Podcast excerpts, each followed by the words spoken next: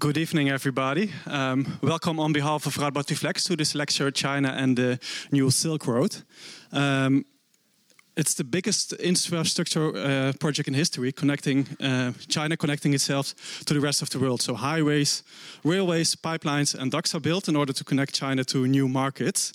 Um, the country is dealing with a massive overproduction, so these markets are highly needed. Um, and there's a lot of critique in the way China is doing this. It's um, it's developing its so-called New Silk Road, also known as the Belt and Road Initiative. Um, and the country is blamed for making poor people independent uh, of them by huge loans, uh, but also by investing in countries like Serbia. Um, it's afraid Europe is afraid that China is buying influence in the European Union.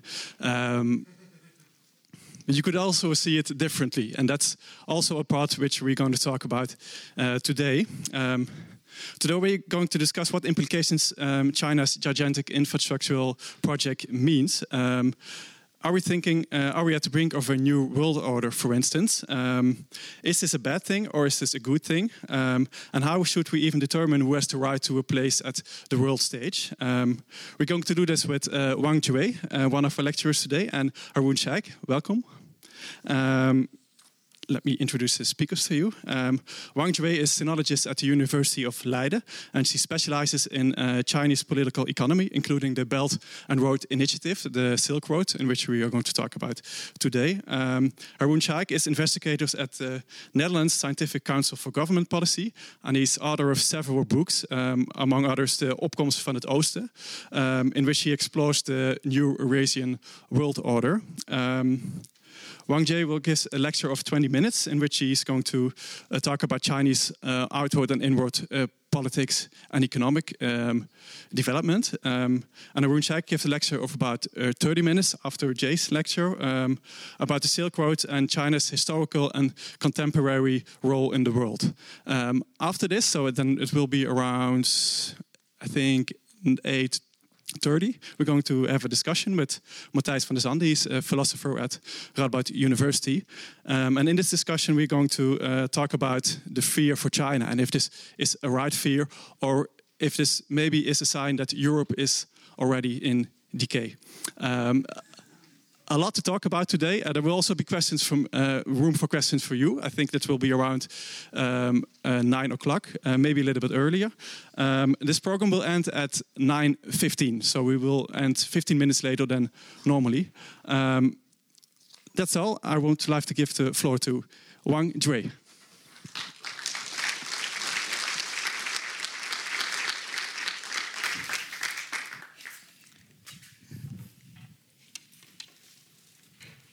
Okay, just test. Um, thank you for having me here. Uh, it's my first time in Nijmegen. It's a beautiful city, and uh, um, so I will talk about uh, the implication of Belt and Road Initiative, uh, the, or the New Silk Road mentioned by Dave. Um, the implication of Belt and Road, uh, Road Initiative for, for, China's economic development as well as China's outward economic expansion. Since um, Belt and Road Initiative is now a very important part of China's regional and inter-regional development strategy. So it would be most appropriately to um, locate this strategy, this Belt and Road Initiative strategy, in the wider China's economic foreign policy and external economic relationship. Okay, so. Um, so there will be three main parts of my talk. First of all, I will um, briefly introduce the evolution of China's external economic relationship. So how did China develop from a uh, isolated uh, communist um, uh, uh power in the 50s, 60s into today's uh, uh, world's second biggest economy that is deeply embedded in the global economic um, uh, system and international community,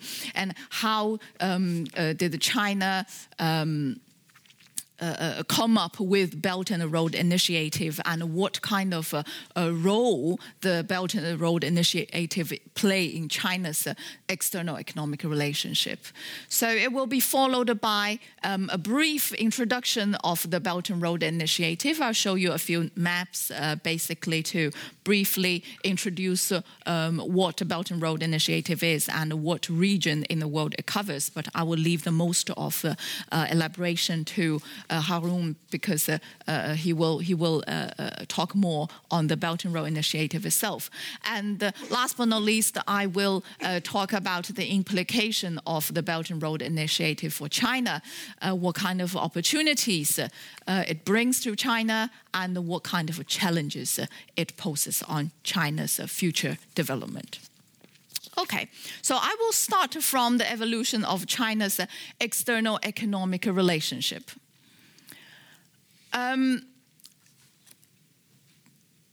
in the 50s, um, from the 1950s to 1970s, China was mostly a, was mostly isolated from the mainstream international political um, uh, uh community. Okay, um, and there was some trade between China and the Soviet Union and other Eastern European countries, but uh, that was mostly China importing the industrial goods and industrial equipment that China was not able to produce itself.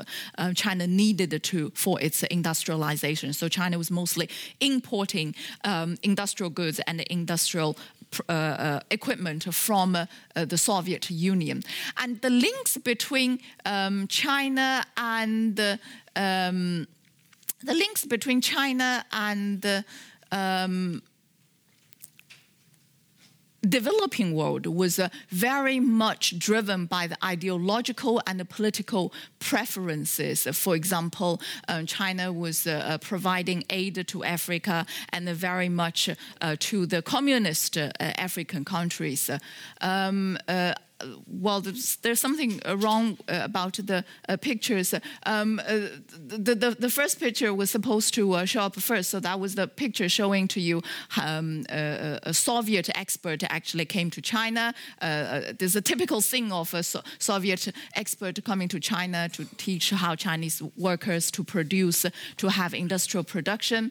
And the second um, poster is, again, a typical communist propaganda poster. Um, it says, uh, vigorously support the anti imperialist struggle of the people of Asia, Africa, and Latin America. Basically, I, it shows to you the link between um, China and the developing world in Latin American countries, African countries during 50s, 60s, 70s was very much uh, um, uh, uh, uh, stimulated by this communist link between China and these countries. And one, um, one example is China helped Tanzania build one of Tanzania's um, two main railway uh, system that is still running today, the Tanzam uh, Railway. And guess who helped Tanzania build the other one? Not Soviet Union. No. East Germany. So again, you can see this kind of uh, uh, communist link between these countries. Um, However, the link between China and the Soviet Union actually got cut off because uh, the, the, Soviet Union was not happy with uh, China slowly picked up this very radical approach to economic development, especially during the uh, Great Leap Forward period in late 1950s uh, and the early 1960s. So from the 19, uh, early 1960s, uh, the Soviet Union actually cut off the link with China. So China became even more isolated in terms of technological development, in terms of uh, industrial and agriculture production. Up until the 1970s, China stepped back into the international uh, community again because uh, from the 1970s, China slowly realized that it has uh, um, lagged far behind its Asian neighbors in terms of economic progress. Uh, the, all the other Asian neighbors were actually developing very fast, but China was still um, lagged behind uh, in terms of economic uh, progress. So China slowly came back, uh, stepped back into the um, international community and, wa- and wanted to re-establish economic links links with Asian countries and other countries. One very um, uh, outstanding event uh, in the history of China's uh, People's Republic of China's diplomacy um, was when Richard Nixon visited China in 1972. It's a picture of um, famous picture of him shaking the hand of Mao. that was when. Beijing and Washington, D.C. started to um, talk about having a healthy diplomatic relationship again. Um, so China um, in 19, so Mao died in 1976, and two years after that, in 1978, uh, a group of uh, um, more liberal, economic-minded, uh, reformist leaders um, uh, seized the power of, uh, of, of, of, controlling the, the, the, government, and they started a whole series of reforms, opening up and reforms. So um, mostly um, uh, market-oriented economic reforms in China, as well as China opened up for international uh, investment. Okay, so I'm showing uh, you this map. Um, so you can see the four cities with uh, uh, the four cities with uh, uh, circles. The four cities in the south coast of China, they are uh, Shenzhen, Zhuhai, Shantou, and Xiamen.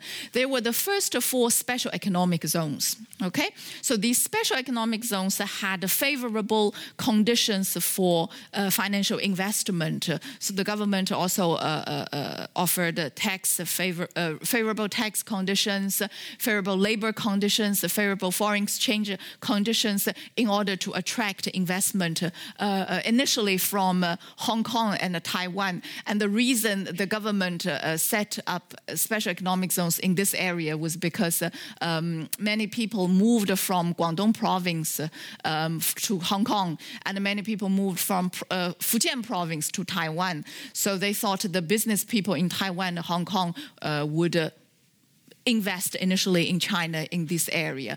And then later on, um, it became a very successful uh, model um, because uh, the export uh, process industry uh, started to increase in these areas.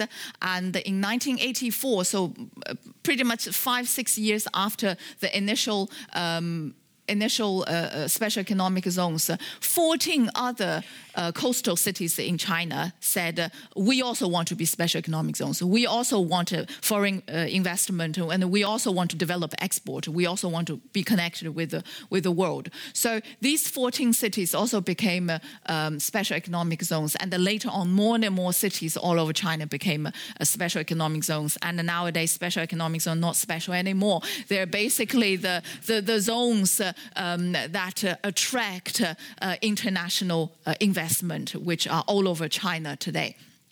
Um, so from the mid 1980s, China also uh, started a whole series of liberalization in the foreign uh, trade system. For example, give more freedom to the foreign exchange uh, regime, let the companies to um, uh, uh, uh, exchange um, for, for foreign currency more freely because you, you need the US dollars to make business deals with the world. So the government made this kind of transactions more easily, and the government also opened a, a, a number of other uh, restrictions in order to smoothen uh, external trade.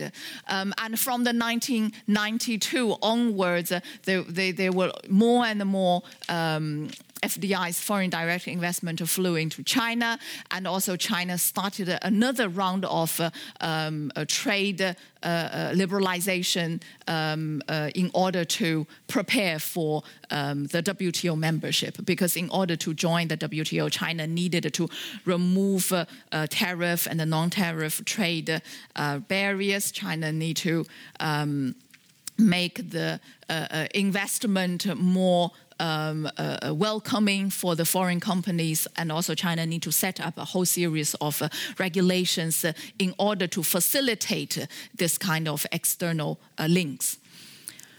Um, so China joined the um, WTO in 2001, and that was also when uh, China's uh, export started to go up really fast.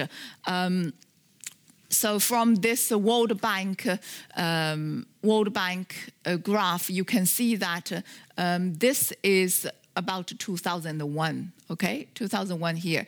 And that's 2007 you can see after china joined the wto the export went up really fast. It declined later because of the global financial crisis uh, that i'm going to talk in a, in a minute.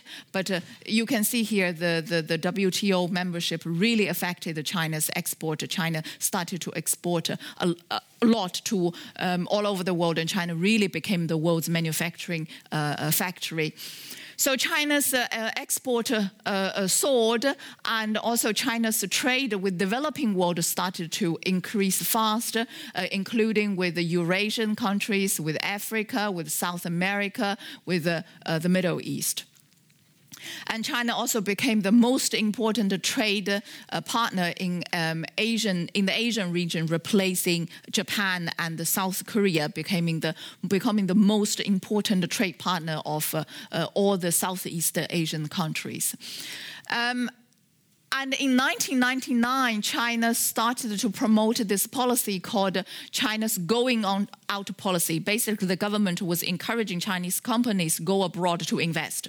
Um, initially, the Chinese companies mostly went to advanced economies, Europe and the US, but later on they also went to uh, developing countries. So, why did the government promote a policy like this? Because China started to earn more and more foreign reserves, and these, this, the accumulation of this big uh, foreign reserves uh, put forward a pressure on the uh, foreign exchange rate of, of renminbi. Um, and uh, this kind of pressure pushed the Chinese companies uh, essentially to go out to invest. And, and, also, the government wanted these companies to go out to invest um, and learn international, uh, to, to learn more advanced man- man- management skills and more advanced technologies. Okay? Um, so this is a basically graph shows to you from 1995 to 2012, uh, roughly um, uh, um, 17 years. Um, China uh, became a, a, much more uh, important trade partner than Japan for the other Southeast Asian countries. So, the, in the most recent uh, um, period, um, between 2009 until now, uh, the, the going out strategy continued to expand, and China also started to promote the use of uh, uh, renminbi, Chinese currency, in the international trade and investment transactions. Um, China's investment in the developing world um, increased rapidly the Chinese investment in the developing world initially was in mostly in natural resources, and then later on uh, more moved towards uh, infrastructure and agriculture, and now more and more flew into um, service and the manufacturing and also um, within this uh, big um, uh, the expand of uh, chinese investment in developing world um, uh, here comes the belt and road initiative um, in, in uh, first time mentioned by President Xi, Jinping in 2013, and now it, it is a big part of China's China's uh, uh, foreign uh, development strategy. Um, so I can show you that. Uh, uh, this is basically the distribution of Chinese investment abroad. You can see Chinese investment are relatively equally uh, uh, uh, spread uh, all over the world. Um, and uh, Chinese investment in developing world, for example, uh, Africa, um, was initially um, mostly in the energy, but you can see the proportion in energy has uh, decreased, and the proportion in other sectors, for example, um, uh, uh, real estate, uh, or transport or, or, technology, utilities um, have started to uh, emerge. Um, China's investment in um, developed economies are mostly targeting strategic asset seeking uh, or market seeking. For example, uh, Huawei, uh, we all know Huawei. Huawei set up its office in Europe uh, to develop technologies, also to uh, uh, attract talented European graduates to work for them, and also for targeting the European market. So this is a typical um, example of market seeking and a strategic asset seeking uh, investment.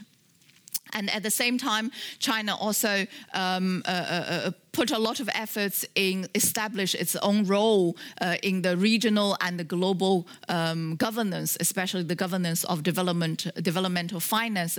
Um, and one famous example is the uh, establishment of Asian Infrastructure Investments Investment Bank, which is the China's version of World Bank, China's version of um, Asia Development Bank. Um, but then, of course, uh, this big uh, outward expansion also faces uh, uh challenges and risks.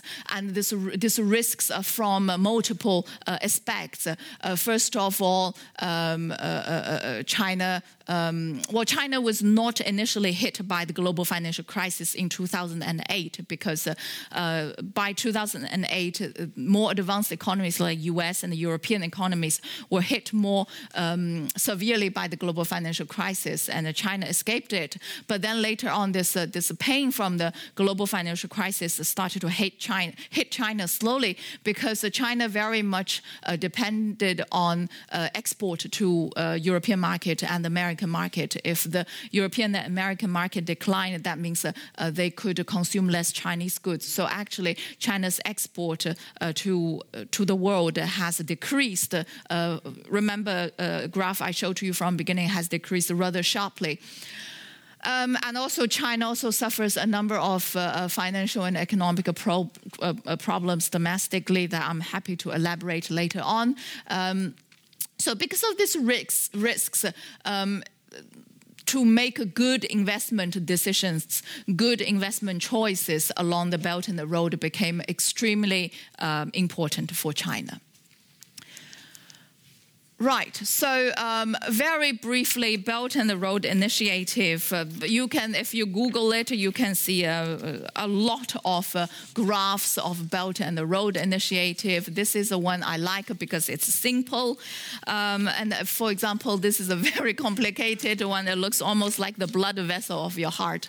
Um, so, so in, in this, and, oh, and this is the one I made by myself. I, I added these pictures. It basically shows to you um, uh, uh, the state, the, the, the, involvement of state actors in this uh, um, Belt and Road Initiative. So, what is Belt and Road Initiative? Belt and Road Initiative is China's uh, inter-regional development strategy aiming to uh, connect multiple countries in Southeast Asia, South Asia, Central Asia, Middle East, Africa, and Europe. Okay. Um, so. Um, However, the perceptions about the Belt and the Road Initiative vary. Um, some view the Belt and Road Initiative as China's geopolitical tool for challenging U.S. global dominance, but some uh, thinks it's China's devotion to the U.S.-led global capitalism. Um, some view uh, uh, Belt and the Road Belt and Road Initiative represents China's aggressive outward economic expansion at the expense of others, but some others um, think it is a uh, altruistic contribution to international cooperation and development. Um, this is also how China uh, brands it and uh, um, promotes it um, there are problems in the um, oversimplified way of viewing Belt and Road Initiative. Um, many analysts tend to overestimate the geopolitical motivations of the BRI, and some uh, speculate and exaggerate China's capacity in shaping international trade and investment regimes through the BRI. Is the BRI going to completely change the international economic order? Probably not, because a lot of the deals of the BRI didn't really um, start now. It started uh, many years before. China has slowly established its relationship with Eurasia. It's not something China started to do very suddenly. Um, and also, um, uh, many um, uh, political analysts uh, tend to focus mostly on the state actors. So, so they would um, uh, propose a lot of uh, more state-centered, security-based, or, or, or geopolitical-based um, conspiracy behind the BRI story, while in reality, these investments are mostly carried out by companies um, or, or, or, people, right? Because uh, it's also about a people to people exchange. So um, I'll, I'll, very, I think I'm over time, but I'll be very quickly go through the uh, opportunities and the risks, uh, opportunities and the challenges um, that is posed by the BRI for China. Um, of course, the BRI is supposed to bring a lot of uh, opportunities for China. That's why China is doing it, right? So um, one opportunity is it provides an alternative route for energy supply. For example, the Gwadar Xinjiang link. Um, this is a quite bad uh, uh picture, but uh, uh, this is Xinjiang. Uh, this is uh, uh, Pakistan. So, so Gwadar is a port in the south of uh, Pakistan. So China is trying to set to set up a, to build a railway there. So if the railway is built here, you can see that the energy coming from the Middle East and the Middle East and the and Africa wouldn't need to go through the very complicated uh, and far uh, uh, uh maritime route or going through this very complicated uh, Malacca Strait, um, and the energy could be shipped to Gwadar and sh uh, shipped through railway to China directly. Okay. Um, and also, um, the BRI brings opportunities for um, investment in, infra, uh, in, infrastructure. So China likes in investing in infrastructure all over the world. Why? Because uh, that's something China actually is good at. So China has a China is not a, the world champion of providing financial service or legal consultants, but China is uh, pretty good in uh, uh, building roads and the bridges and the ports, and uh, that's also why China. Um, build the roads, ports, and the ro- uh, railway, um, uh, uh, and bring Chinese experience uh, to the Eurasia area. And also, the BRI brings opportunities for developing Western cities um, uh, into trade and investment hubs. Um, uh, Belt and Road Initiative also brings opportunities for investment in other sectors such as financial service, logistics, trade, energy, technology, etc., especially in the in the in the future. Um, and of course, it, it, it is massive uh, business opportunity for China's own state-owned enterprises. Um, uh, a lot of these projects actually go to China's state-owned uh, China's state-owned enterprises directly, which has caused some concern because uh, uh, other companies, foreign companies, complain it is unfair um, if uh, an international deal from one country to another fell into China's state-owned enterprise. Then, um, in the long run, it's also not good for the operation of business because uh, good competition, fair competition brings better uh, practice. So, um, but uh, um, I don't think China, for now, is ready for um, a more transparent tending, tendering system to bring in more international bidders. So for some time to come, we will probably uh, continue to see most of these deals will be for China's own state-owned enterprises. Um, and also, the Belt and Road Initiative is an important platform for strengthening relationship with China's relationship with the development world. Uh, it strengthens China's regional influence in, in South Asia, uh, South Asia, Central Asia, and East Asia. It also bridges China um, with uh, more advanced economies um, in, in, in, Europe. Um, because China is a, a developing intensive uh, relationship um, uh, cooperation with uh, Eastern European countries nowadays, and they call it 16 plus one, so 16 Central and Eastern European countries um, and China. China is the plus one. So um, this allows China to practice economic activities under EU regulation because some of these 16 countries are EU members. allows China to uh, practice economic activities under uh, EU regulation at a lower cost. Okay, and also provides grounds for China to balance against the US and uh, uh, to allow China to set up unique developmental finance rules and uh, practice that are different from existing ones. But then, of course, it also involves a lot of risks. Uh, the return on investment is, is challenged by domestic political situation, domestic economic situation, and secur- security issues. Uh, China invests in a lot of countries along the Belt and Road that Western countries countries uh, tend to not invest. And there's a reason why Western countries don't go to those countries to invest because it's, it's more risky uh, in terms of polit- politics, in terms of security, in terms of uh, uh economic reasons. So those are big challenges for Chinese. Um, and also, uh, Chinese investment also uh, are, are, sometimes suffer backlash, pushed back um, by the local societies, and also they involve a lot of environmental concerns, uh, uh, that's something the Chinese investors need to deal with. But then, of course, um, from uh, inside China, a lot of these projects are funded by Chinese uh, state banks. Um, Chinese state banks won't um, have endless money forever to fund these projects, right? If these projects are not efficient, not uh, profitable, then the government at some point will consider not to provide as much um, money for these uh, uh, uh these uh, these projects. And the last but not least, um, there's an economic slowdown going on in China. China itself faces lots of economic challenges, which makes its outward investment further extra um, risky. Okay, so I'll stop there. Sorry about uh, the the extra time, but I'm I'm happy. I I didn't manage to elaborate on some point, but I'm happy to answer to questions later.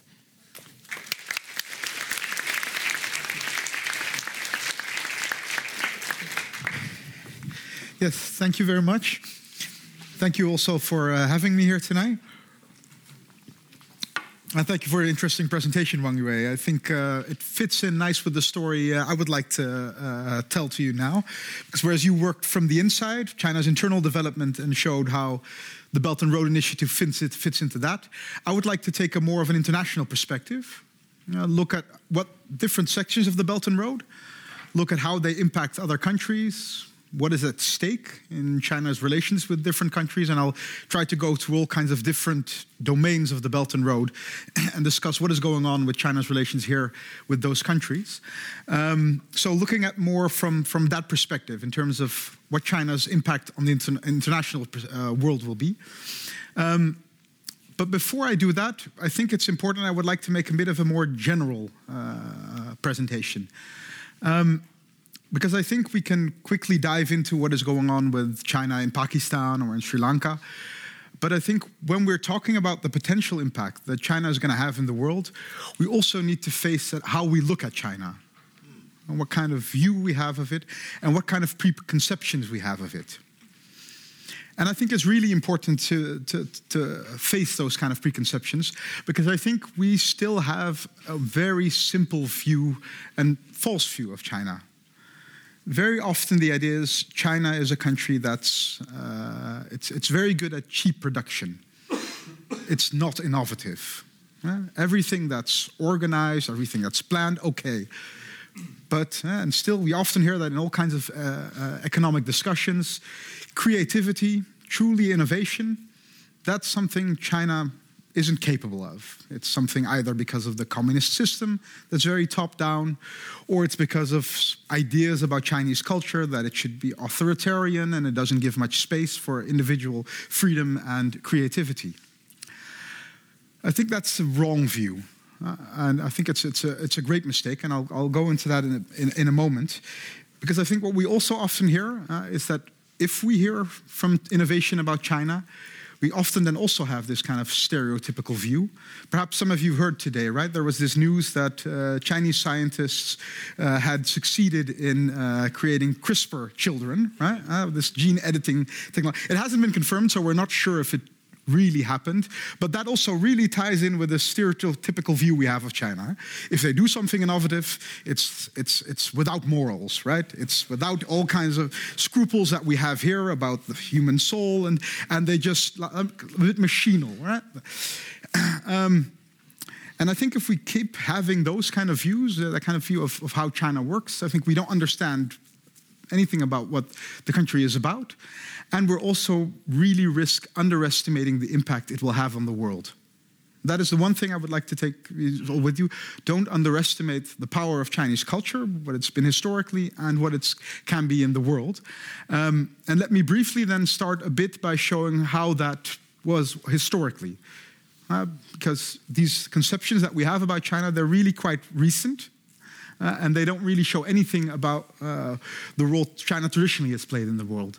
Perhaps some of you are familiar with this graph. This is the distribution of economic weight in the world from the year one to about currently. And there you can see that basically for all, it's, it's not a, a, a direct scale, so it moves up to 1820 over there. And there you can see that basically throughout all of history, Together with India, China has been the world's biggest economy. You can even go thousand years further back. Eh? If you go further back, it'll be actually a bit smaller because then you see that the Middle Eastern section will be much more dynamic. But throughout most of our history, China has been huge. It's been the biggest economy. It's been basically what the world economy has been about. That's also where, of course, the whole reference to the Silk Road is about this. This was where everyone was going for their wealth for. Even in the 18th century, you had English kings who would write letters to the, to the, to the Chinese emperor, and they would ask them, oh, we want to trade with China, and then the, the emperor would reply back, that's all real, real nice, but we don't think England has anything that we want, so we're not allowed to trade. This was the position China could take because it was simply that wealthy, that dynamic, and that progressive in terms of uh, economic, uh, technological development. Um, well, you might object, of course, that's uh, if you have the biggest population, probably you're going to be the biggest economy in the world. But it's not just about quantity. It's not just that China was, has so many people and that's why it was economically so such an important center of the world. Uh, China has also been, throughout its history, terribly innovative and shown itself, especially its state, to be, to be very capable. We all know, of course, the Great Wall of China, but I want you to reflect a bit on, how, on that object and what it means. Consider what it's like. If you're a country a pre-modern country, right? We don't have cement, we don't have bulldozers. You're a pre-modern country, and you have this more than 10,000 kilometer long border where sometimes you have these wild nomads coming into your country, and you even think about the idea that you're just going to build a wall along that, along that whole range. Nobody has ever, no country has done that in history. Nope. well, in history, right? And he still he can't, and still he can't manage, right? And he has bulldozers, he has these big companies, he has he has cement. This was historically no country has had such a big border and decided let's do a tremendous engineering project, the biggest one, right? The biggest ever. right? We're not going to just fight them and see, wait and see like everyone else did on the Central Asian plain. No, China built a wall. Yeah, and it required tremendous engineering, it required planning, it re required a state that was very capable of doing these kind of things. And this is just one example. The other thing here is the Great Canal, um, perhaps also known. It, it connects the, uh, uh, China's two main rivers, the Yellow River, the Yangtze River. It was also built hundreds of years ago. It's still the biggest canal in the world. Longer, I guess it's long. It's, it's, it's a tremendous, uh, it goes right through China. It connects northern and central China with each other. these are just the more, uh, you could say, uh, clear uh, projects that China developed. But if you look in terms of general innovation, uh, building compasses, paper, uh, technologies for, for, for building, uh, China really has led the world in many ways. So, how have they done that? Hmm? And let me just say a bit about what, what, what I think explains how China has been able to do that. And that has to do with the organization of the Chinese state. China has historically been led by what you could what has been called the Confucian scholar bureaucrats. These were people who, you could say very simply, I mean, these are people, they governed the state, and these were people who were capable, who were selected because they were the most capable, the smartest people to do this. This for us may seem very common currently, but this was truly an innovation by China. Throughout the rest of the world, also in Europe, in Europe, even in the 19th century, if your father was a nobleman, you could get into parliament. You had a role so you could get into the state. Nobility, birth, uh, wealth, all kinds of things that were really very important uh, all around the world for, for getting into the state, which meant that not the best people ruled. China could build the Great Wall, it could build the Great Canal, it could create a country as big as it is and keep it intact for more or less 2,000 years, ever since it got unified uh, by, by, by, the, by the Qin Emperor, because it was ruled by smart people. Hmm? It selected the best people. And they also had a, a mechanism to do that. I'd say, is, as you could say, the, the, the secret of how China did it, which was the state exam. Uh, very early on, already in the early centuries uh, uh, uh, AD, you're seeing this system develop in China, where they would say, if you want to be in government, you're going to have to do an exam. And not just a normal exam or an exam you can cheat on or everything. We're going to take this very seriously. So we're going to lock you up in a little cabin like that. It just has a number on it, so nobody knows who's inside. In many instances, what you've written down, somebody else will write again so that nobody can recognize your handwriting and nobody can help you. And you're going to be there, in some cases, for days. And they're gonna, we're going to ask you what you know about the, the Chinese classics, what you know about geography. We're going to give you big essay questions. And you're going to keep running, and we're going to select the best people from the vast people uh, selection China could choose from. We're just going to select the best, and only then are you going to be allowed to get into the state to work as a civil servant. This, this system started very early on. Over a period of, of, of 1500 years, it got perfected, where it really became something where you could say, well, we're talking now about Harvard and Oxford and everything, but this is really serious. This is a real system where you're talking about selecting talent. And this was perfected over a very long period of time. And it wasn't just once to get into the state. If you wanted to advance, you had to go through it again. Hmm? So this was really a system that China developed early on, and I think this is the secret. If you want to explain why a country, a country can, in the second century BC, become as uh, unified, just like China is currently, and keep it like that, more or less stable for two millennia, you need to have some kind of strong capacity in your state. And I think that has to do with the bureaucrat scholars that were created by Chinese state system. So that is for my historical introduction, and at least it, I hope it sh shows a bit that we need to think differently. And if we're talking, we're saying things like, "Oh, China, it's not innovative, it's not creative, it's not uh, uh, capable of." Uh, things that we do here in the West, I think this is this should be serve as a reminder that we should consider this very differently. Now, now I'm going to go uh, the second part. Uh, work, go get a bit more concrete and look at if, if China is going to play a big part in the world, and I'm, I'm, convinced it is, because of this, this, this venerable tradition, China has the capacity to truly impact the world uh, in a great way. Um, how is that going? How could that play out, and in what way uh, is China affecting the world and the countries around it? Um, focus there on the Belt and Road Initiative, uh, as I think you showed the same picture here. Uh, and with the same intent, also I want to show like this. This looks very chaotic, right? I mean, yeah, uh, uh, the, the, artery system. I think that's a nice analogy. We hear a lot of things about uh, the Belt and Road. Um, everything is, is often grouped together as part of the Belt and Road. We're talking about state projects, but whenever a Chinese company buys a media company in Portugal, everyone is also talking about the Belt and Road. So it's not at all clear is that officially part of it or isn't? If something happens in Nicaragua, it's also part of the Belt and Road. So you hear all kinds of different stories. Um, and I think in part that's simply the way it is. I think the Belt and Road Initiative is not something that's written in stone. It is a concept that's evolving. Hmm. Over time, China already is, is making adaptations to it, making it more explicit. responding to all kinds of challenges and then adapting the plan.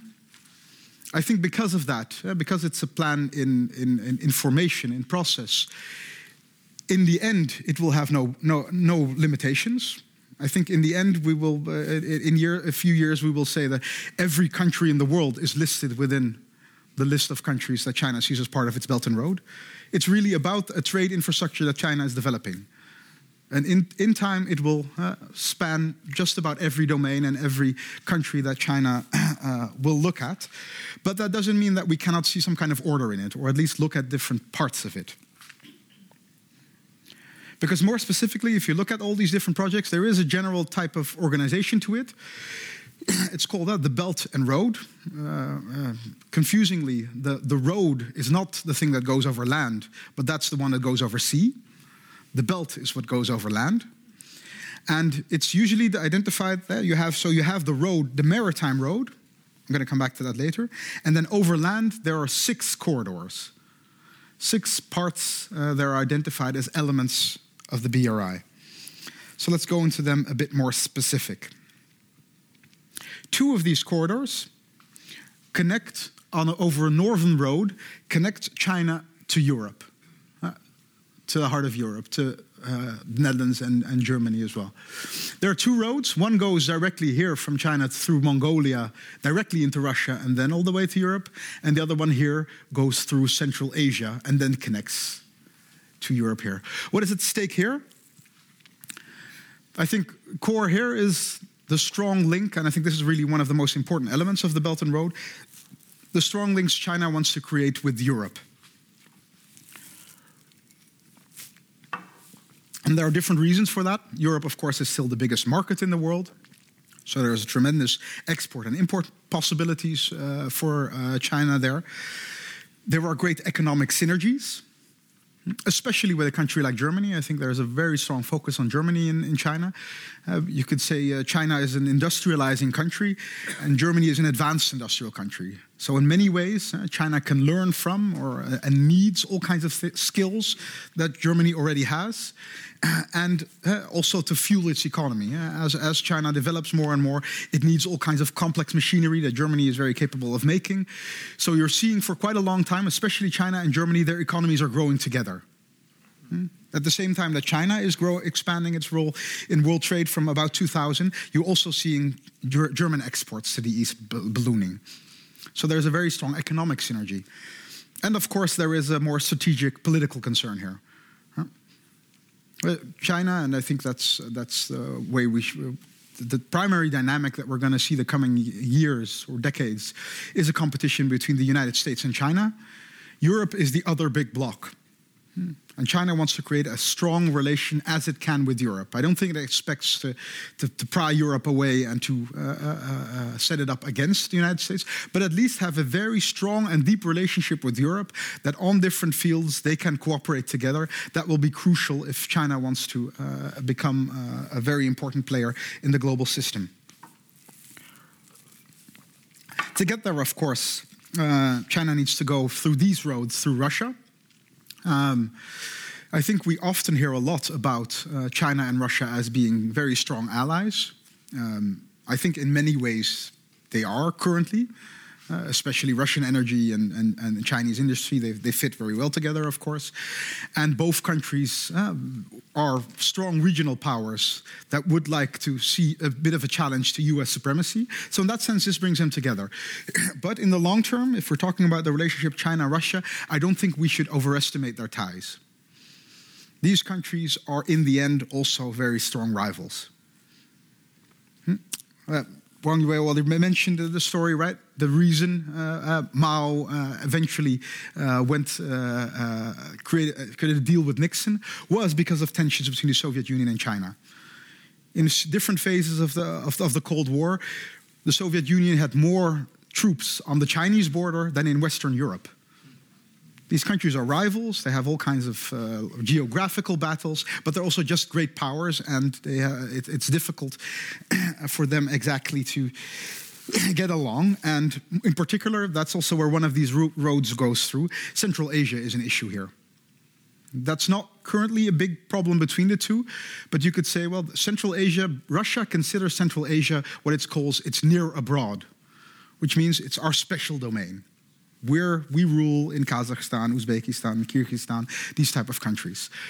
Their energy sector is completely linked with Russia. The Soviet Union created all the pipelines going through Russia and then to Europe so that these countries couldn't have independent energy policy. China is building its own pipelines to these countries. So already we're seeing that a few of these countries are now able to follow in, in, to pursue independent energy policy, and this is a field I think in the future more and more Russia and China will compete over. So the next, the third route uh, goes underneath Russia right? If, if you have a difficult relationship with someone, you should create options. um, and this route uh, bypasses uh, Russia in a southward way. Um, this goes through a whole range of countries, and I think the most important thing to note here is how many Islamic countries this goes through. Uh, this is, I think, this, and this is also going to be one important part of China's international expansion all around China's borders are Muslim countries. So if China expands, it will get deeply involved in many Muslim countries, which could go many different ways. But just the core fact is going to be what we have now with the West, the US in particular. If you get involved in those countries, you're going to be seen as either siding with or being against a certain party. You're going to have to uh, have a more explicit view on what should be done in a, a country. That is now the concern of, of the US in particular. But my prediction would be China in the future will also going to have to have its own policy for this world, which is in many ways very volatile. And it will have to have an answer to that because many of its trade routes go through these countries. There is already a very explicit policy in this field. Iran is a very strong partner uh, uh, of China in many ways, um, a key uh, geographical part also of the Belt and Road. It, it, has always been throughout history a link between West and East. Um, and the fact that Trump is again looking for confrontation uh, with, uh, with Iran is something I think uh, that was applauded in uh, Beijing uh, because it makes uh, their alliance with Iran all the more stronger now that Iran needs alternative partners. Um, how will that relationship go? As I said, I mean, it can go many different ways. I mean, this will bring challenges. Uh, one challenge you also increasingly hear about is China's relationship with its domestic Muslims, uh, the Uyghurs in Xinjiang province. Uh, many more reports about uh, uh, harsh uh, policies towards them. So this, there, there is, in a sense, an especially concern with radical Islam in Central Asia is something that China is focused on a lot. Um, that's not to say that China necessarily has to be antagonistic with the Muslim world. Uh, another thing, I think that's an interesting part also from the historical analogy. Historically, the, the Silk Road was a connection between Chinese and Arab traders.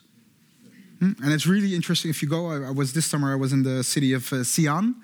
Uh, that's a city, it has its own mosque, it has the Muslim quarter, where still you have Chinese Muslims uh, living there for centuries already. And that's, that's really an old historical link. And uh, it's, it's fascinating to see the type of Islam that has emerged in China as well. But that, I think, is a history that needs to be re engaged and is coming back in different ways. The fourth part just deals with just one country and it was already mentioned, right? I mean, it's it's uh, Pakistan is uh, in particular, and uh, it's just of the six uh, belts. Pakistan is one of them. It's it's it tremendous funds are are, are allocated uh, just for Pakistan. So what is this about? Um, partly it has to do with the strategic relationship between these two countries. Strategic relationship in South Asia, in particular. Uh, China and India are uh, competitors in the future. There is only one country that has the size in Asia to become something of a challenger towards China's power. That is India. So, mutual, uh, well, let's say, suspicion of India really brings Pakistan and China together. Uh, has done so historically, um, and it's still a cause of tension between China and India. I'll come back to India in a moment. So, strategy brings Pakistan and China together. There are economic uh, considerations for this link. Pakistan has a tremendous need for infrastructure. Uh, it has a growing population, an economy that's, that needs all kinds of uh, uh, infrastructure, but also capital, which China uh, is, uh, can provide. It has a, lo- a, large population for which, to which Chinese companies could outsource and uh, create markets in. And the final part, but Wang Yue already mentioned this, is of course location. Ah, you mentioned the, the, the port city of Gwadar interesting. It was it started to, it was developed by a Singaporeese company, and I always thought, well, this is interesting. I mean, this mm-hmm. this could be something more behind it. Several years later, a Chinese company took it over, and the port it was really a Pakistani fisherman. There was there was nothing here in the past. It's a vast port now. They're building railroads, pipelines, and indeed everything so that energy from the Middle East can go directly towards the heart of China and bypass all kinds of sea routes that are uh, that have hotspots, but also uh, American uh, strong American presence.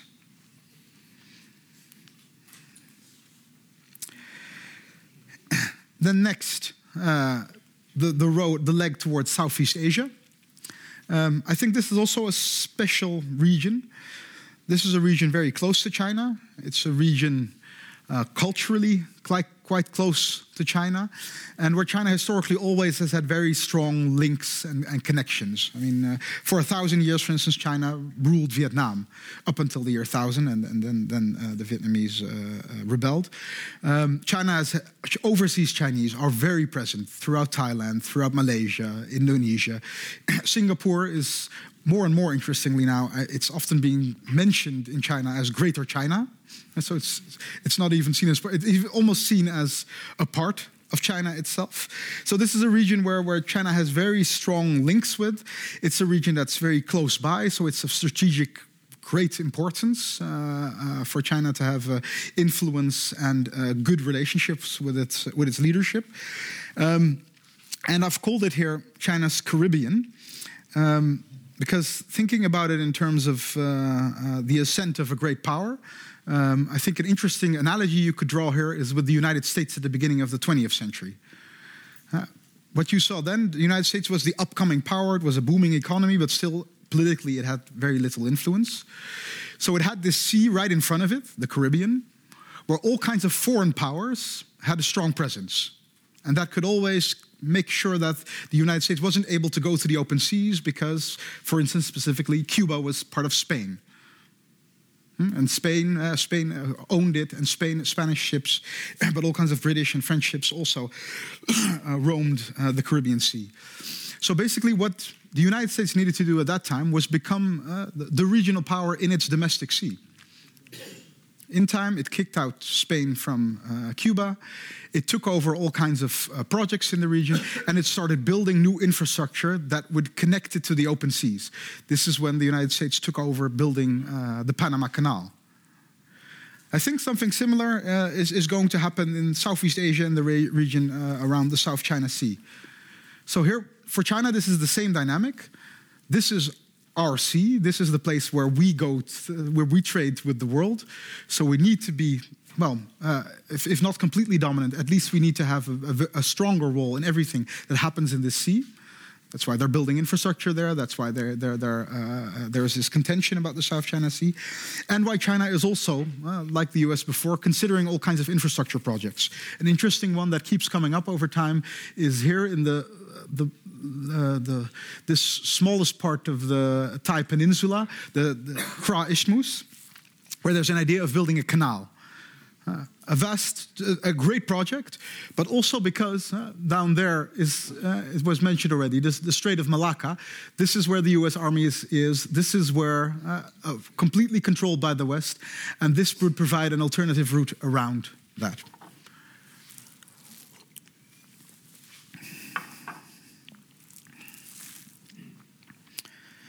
Next route um, is, is, is, one route, huh? the, the Bangladesh, China, India, Myanmar economic corridor.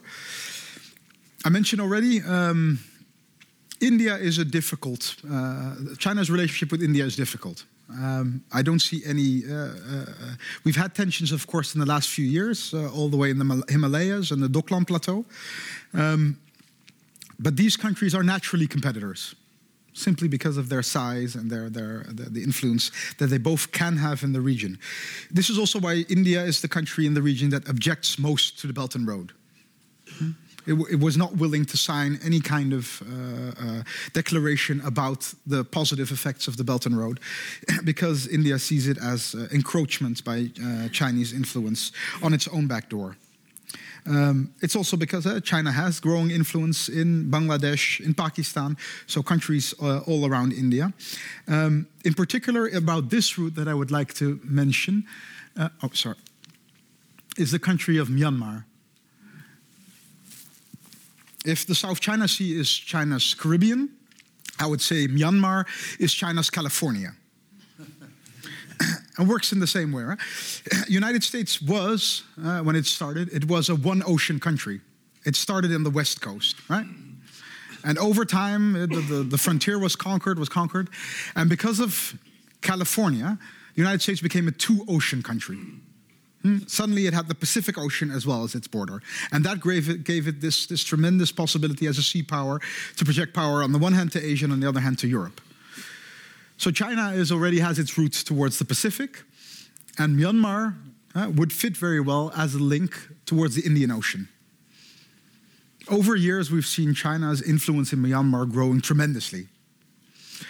For the last few years, we're seeing uh, Myanmar open, and I think this is the primary reason. Myanmar didn't open up because they thought, well, let's suddenly have an interest in human rights, or now let's suddenly have better relationships with the West.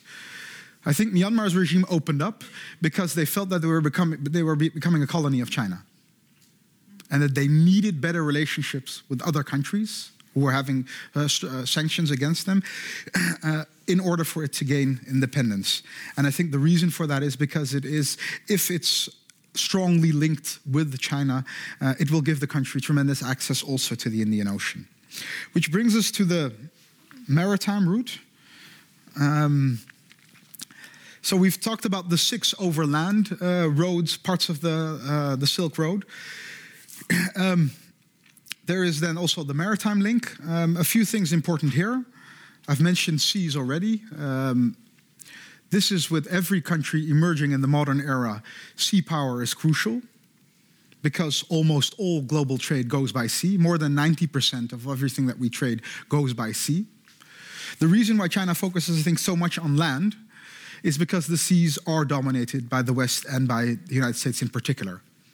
So I think one of the things that really also gives strength to the Belt and Road idea and this idea of a Silk Road is that it creates overland alternatives hmm? to not having go towards the sea where uh, someone else rules. But of course, China cannot go uh, without uh, uh, also having a strong presence on the, the seas and oceans.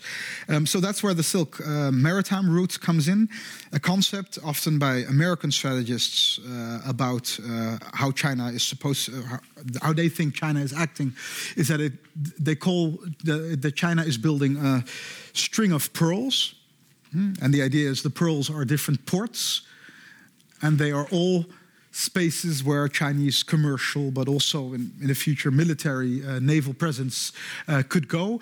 And these are hopping points from which China could, by sea, also uh, project power internationally. Um, that is how, how, how, it's looked by uh, externally. Um, I think what is already clear, at least, is that uh, this is a very important part of China's foreign policy. Um, we mentioned Gwadar port in Pakistan already. There's a port in Sri Lanka, Hambantota. Uh, there also, uh, China is strongly involved. The, the country got into a, a debt crisis and, uh, in return, uh, created, I think, a 99 year lease for China. For the so, so that's something that's a lot of concern for these countries. Are these ports and the infrastructure and the capital they're bringing are these ways of gaining influence on us? At least in Sri Lanka and Pakistan uh, and also one port in, in Myanmar, that concern uh, has become serious. um, but anyway, throughout these these, these pearls, uh, China is developing uh, long trade links. Um, I think for us important also is well, it says here Athens. This should be Piraeus. Of course, this is uh, I think one of uh, uh, really also a fascinating and interesting approach that China has developed, um, seeking better relationships in Europe it's always difficult, right, to say, well, we'll buy something What happened here was, of course, Greece was the country hit hardest by the euro crisis. And at, when the crisis hit, China stepped in and said, well, we'll invest in the Piraeus harbor. Uh, this, this at least created an opening. It created also goodwill for China, and I think, and that's also what I think gives an insight into how the uh, how its approach works. It was also done with great care and with great uh, interest. So China didn't use this as something that they yeah, were going to take profits from themselves. They used it as a showcase to show how they could uh, benefit Greece from it. And they could do that very easily because all China had to do was send its own ships to Piraeus to make it a success, right? I mean, if you have that, those termine as amounts, you can create a harbor. Um, so this is one of the few successes of the Greek economy uh, over the last few years, um, and it's uh, I think an interesting part of uh, China's strategy. Um, that kind of wraps up the, the different uh, elements of the Silk Road and a bit uh, my overview of what kind of relationships it's building between China and different countries uh, that are uh, along the road. Uh, let me just uh, wrap up by two other elements. Um, I mentioned the Silk Road is an evolving concept, and all kinds of things are being included in it. Um, so there are at least two things that I'm also hearing increasingly often that you could see as future or other pillars uh, of the Silk Road. One of them is the digital Silk Road. Hmm? So, this is the idea that it's uh, not geographically focused, but the idea that China is creating a technological infrastructure with other countries. Um, and you can see this along different lines. This would be the international expansion of Alibaba. Hmm? Creating logistics all around the Eurasian plain uh, with its uh, uh, with its e-commerce activity. Uh, this is uh, the telecom infrastructure that Huawei is building all around Eurasia. Um, but also, China recently launched its alternative to GPS, the Beidou system, its own version of, of, of satellite navigation. Um, and also, it's looking for, to sign up other countries in this project. And the first overseas uh, station of, of this uh, uh, satellite system was in Tunisia. So, also here, China is, is, is creating along the digital route new connections. And one for the future, but one that is definitely people are preparing for, is the polar Silk Road. This is one of the side effects of global warming, hmm, is that the North Pole is melting, which means that the route, the, the trade route over the North Pole is getting more easy, getting easier to sail it. Um, this uh, already, this is not just future. Already, we've had a few ships taking this route. Economically, it's very feasible. Uh, going from Shanghai to Rotterdam cuts off three to 4,000 kilometers from your, from your route. So this could be a horror for Suez Canal, but it's uh, already starting that's slowly to develop. Uh, Russia is, is looking to create harbors along its northern coast. Um, but I think for me, it's, it's important uh, about this to show what a dynamic concept the Silk Road is, uh, and that uh, in the future it could go to all kinds of regions, even the North Pole. I think I'm quite over time, so thank you very much.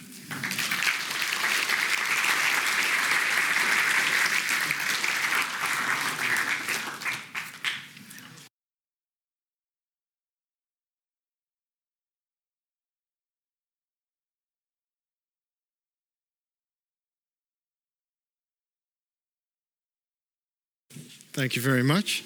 Thank you all. Thank you both for your wonderful and provoking, I could say almost provoking. I had the feeling that some people, there, was quite some response from the. Uh, from the audience, um, so we'll get, of course, you'll get an opportunity to um, ask questions later. Uh, but first, it's my turn because I have a lot of questions as well, of course, as you can imagine.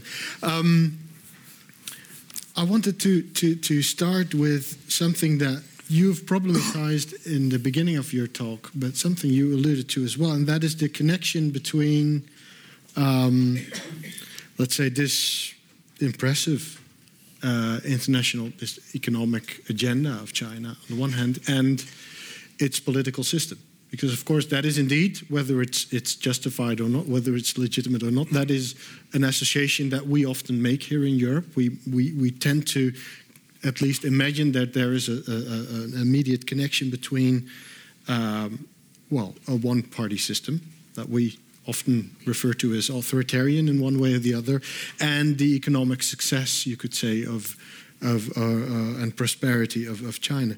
Um, I would like to start with you, Yue. What's, what, what is the relation between these two? Is there a relation? Is that something that we like to imagine, or is there some kind of connection between the two? To what extent is it justified? To draw it? Well, I think there is a connection between, of course, there is a, it is China's foreign one part of China's uh, development uh, strategy, but China's uh, foreign uh, economic policy coming out from a very strong power state, from a very uh, central party. So, uh, of course, it, refers back to the political regime back in China, and I think um, Uh, uh, the the what I can think of the strongest connection um, is the role played by the state in all of these investment projects. Mm. So um, that's something. Uh, Makes it different from uh, Western countries' investment in these uh, regions and different from the um, private investment in these regions because uh, um, the investment in these regions involve a big China state behind it. Mm. Um, sometimes not necessarily a bad thing because it pushes things faster, make a decision making faster.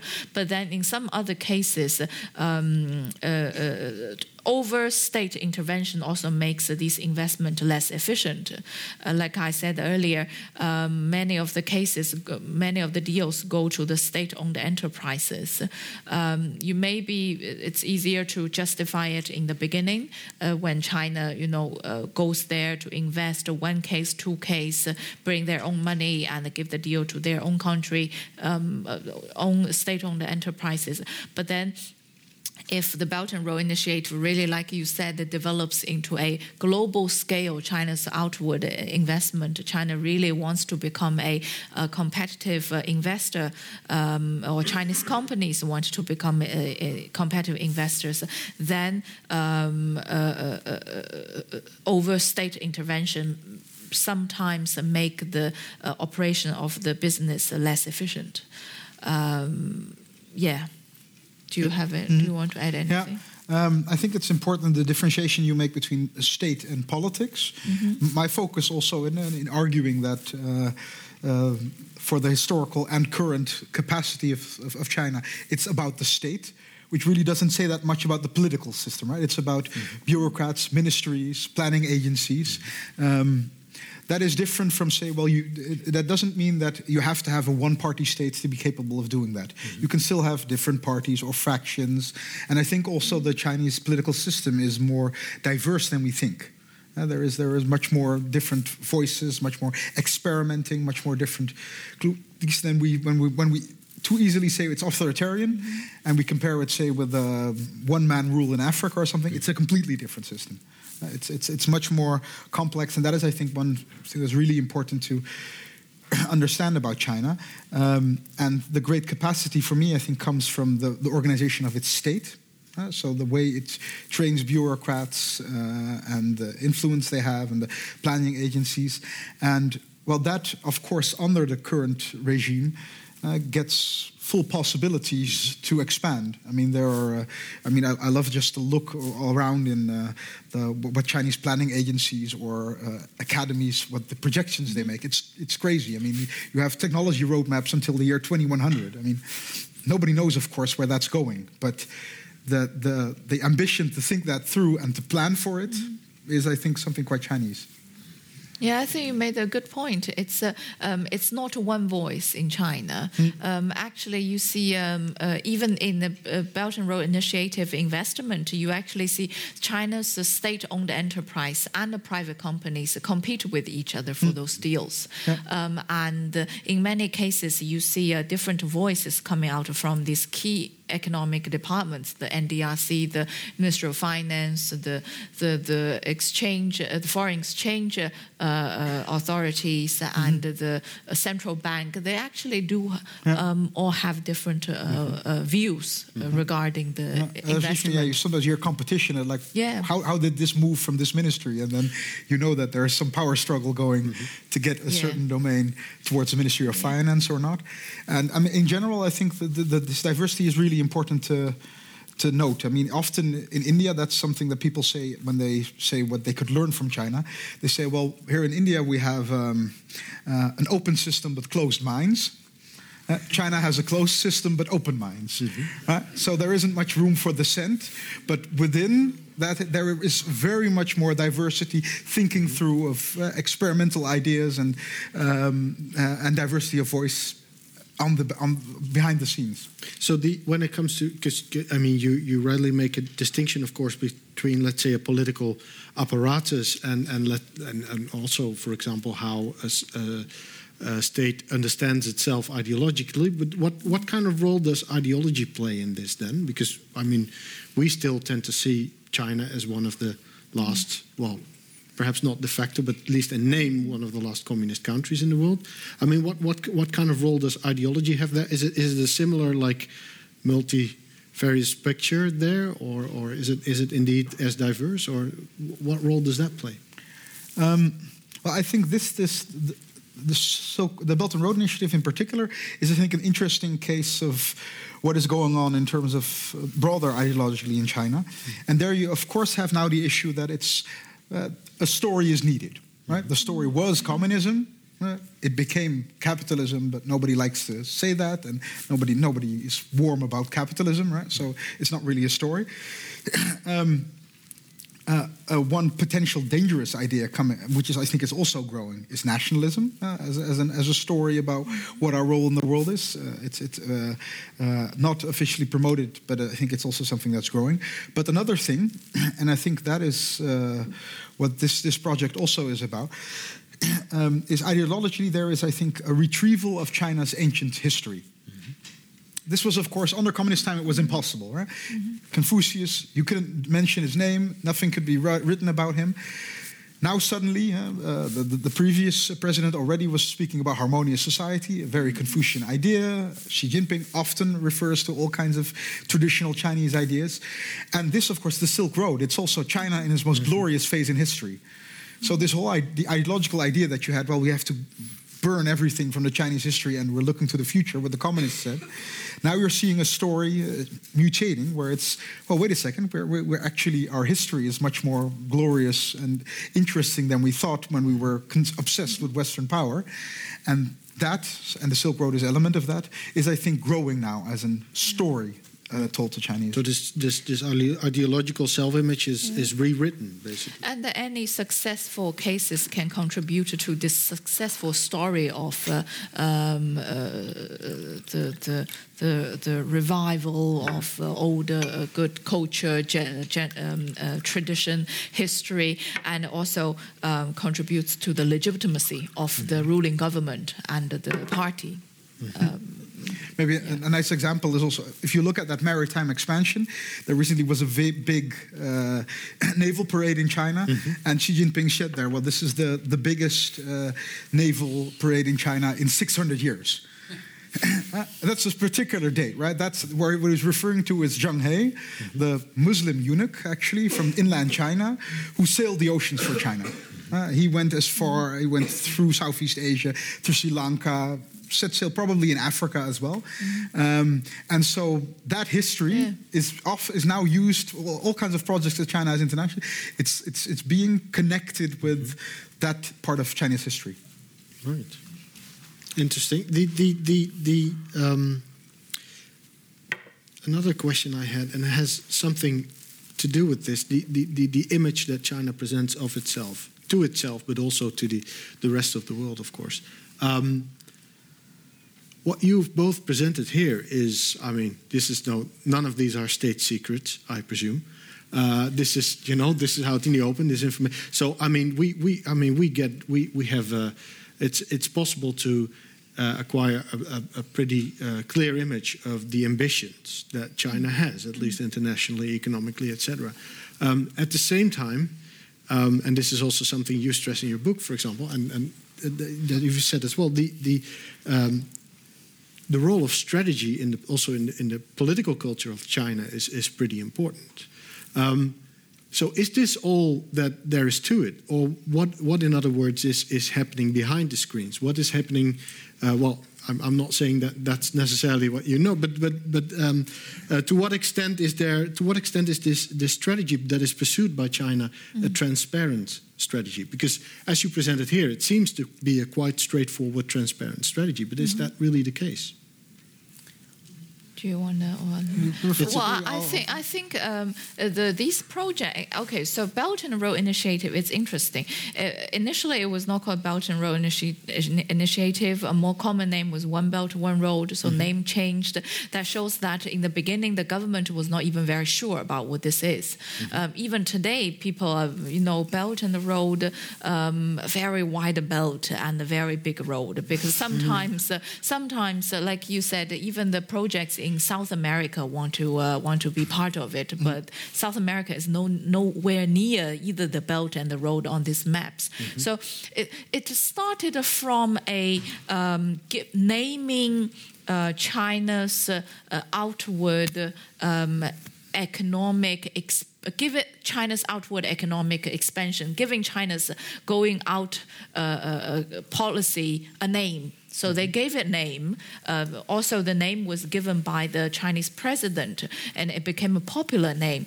But essentially, it is not something started in 2013. It is something started earlier. China's uh, outward investment for all sorts of uh, uh, purposes, um, domestic po- political and economic pressure.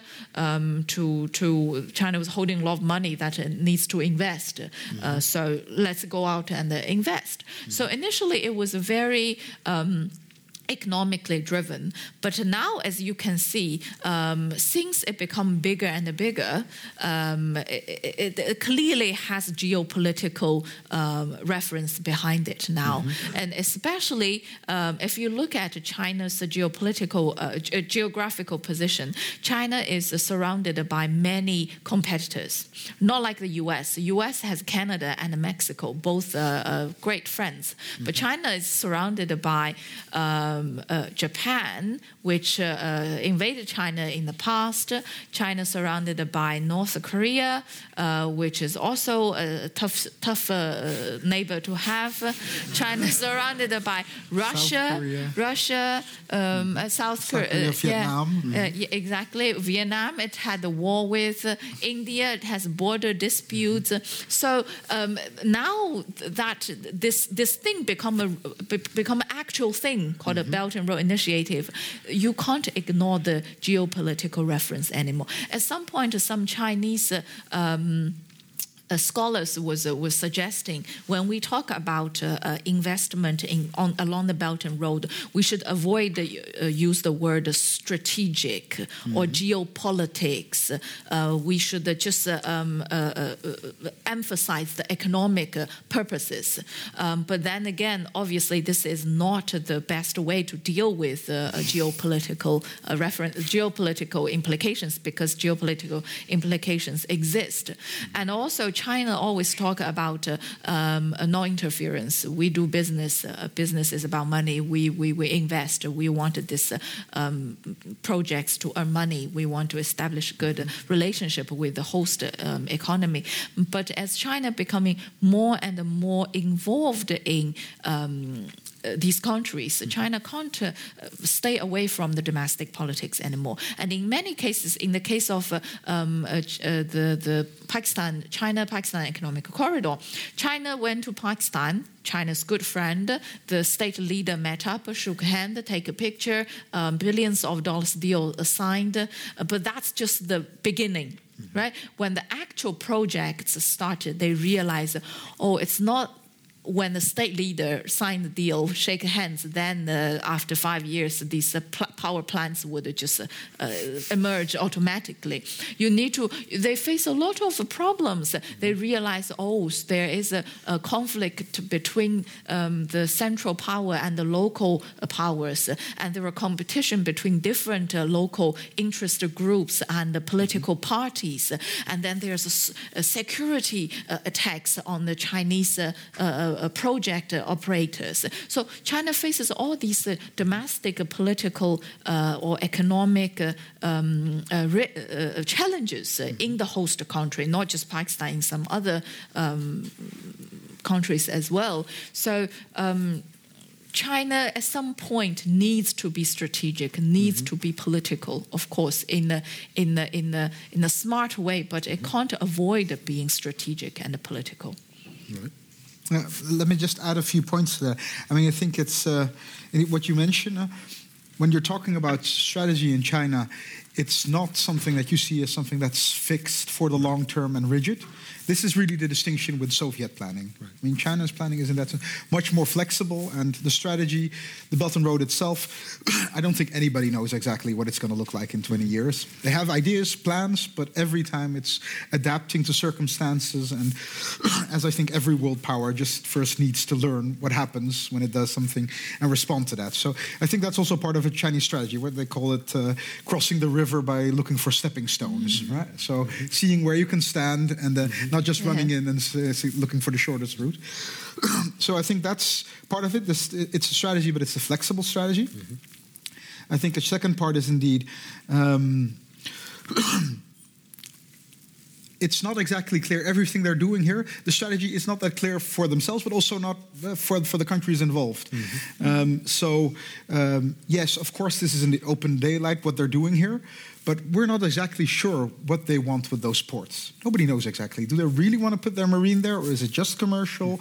Um, is it about depth traps, right? What people are talking about now, which the often is associated with the United States, right? Lend money, you get into a problem, and then you get all the assets you want it's not exactly clear, right? If the, and and the, the, the example of the Greek harbor shows that they can actually, by thinking about the long term, not at all look for ways to control the country, but try to look for synergies. So I think that would be the second point here. Uh, in terms of its strategy, it's it's something that yes, what they're doing is out in the open, but how are they going to use it? We still don't know. Um, and I guess finally, what would be important here is maybe more directly to your question.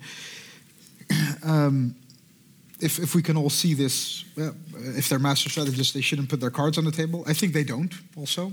Uh, I think that's still the case. Um, uh, an imperative, also, especially by Deng Xiaoping, was uh, always be more powerful uh, than you seem. That is changing a bit under Xi Jinping. He, he, he wants to show how powerful he is, which before that, every Chinese leader always emphasized what a weak country it was. But I still think they, China still follows that precept. So even if they're now showing more what they can do, they actually can do way more. Uh, they're still not showing. Uh, uh, uh, there is, of course, a much more uh, uh, uh, uh, advanced strategy behind it. Um, uh, many parts which we don't, uh, uh, by definition, don't see uh, see clearly. Um, but it is something that are, people are getting more attentive to. And I think one interesting case is a whole debate that's going on in Australia right now, um, where uh, uh, there is, uh, especially by one journalist who wrote a book called Silent Invasion. Uh, and he claims to show there that there is this total strategy by China to take over Australia.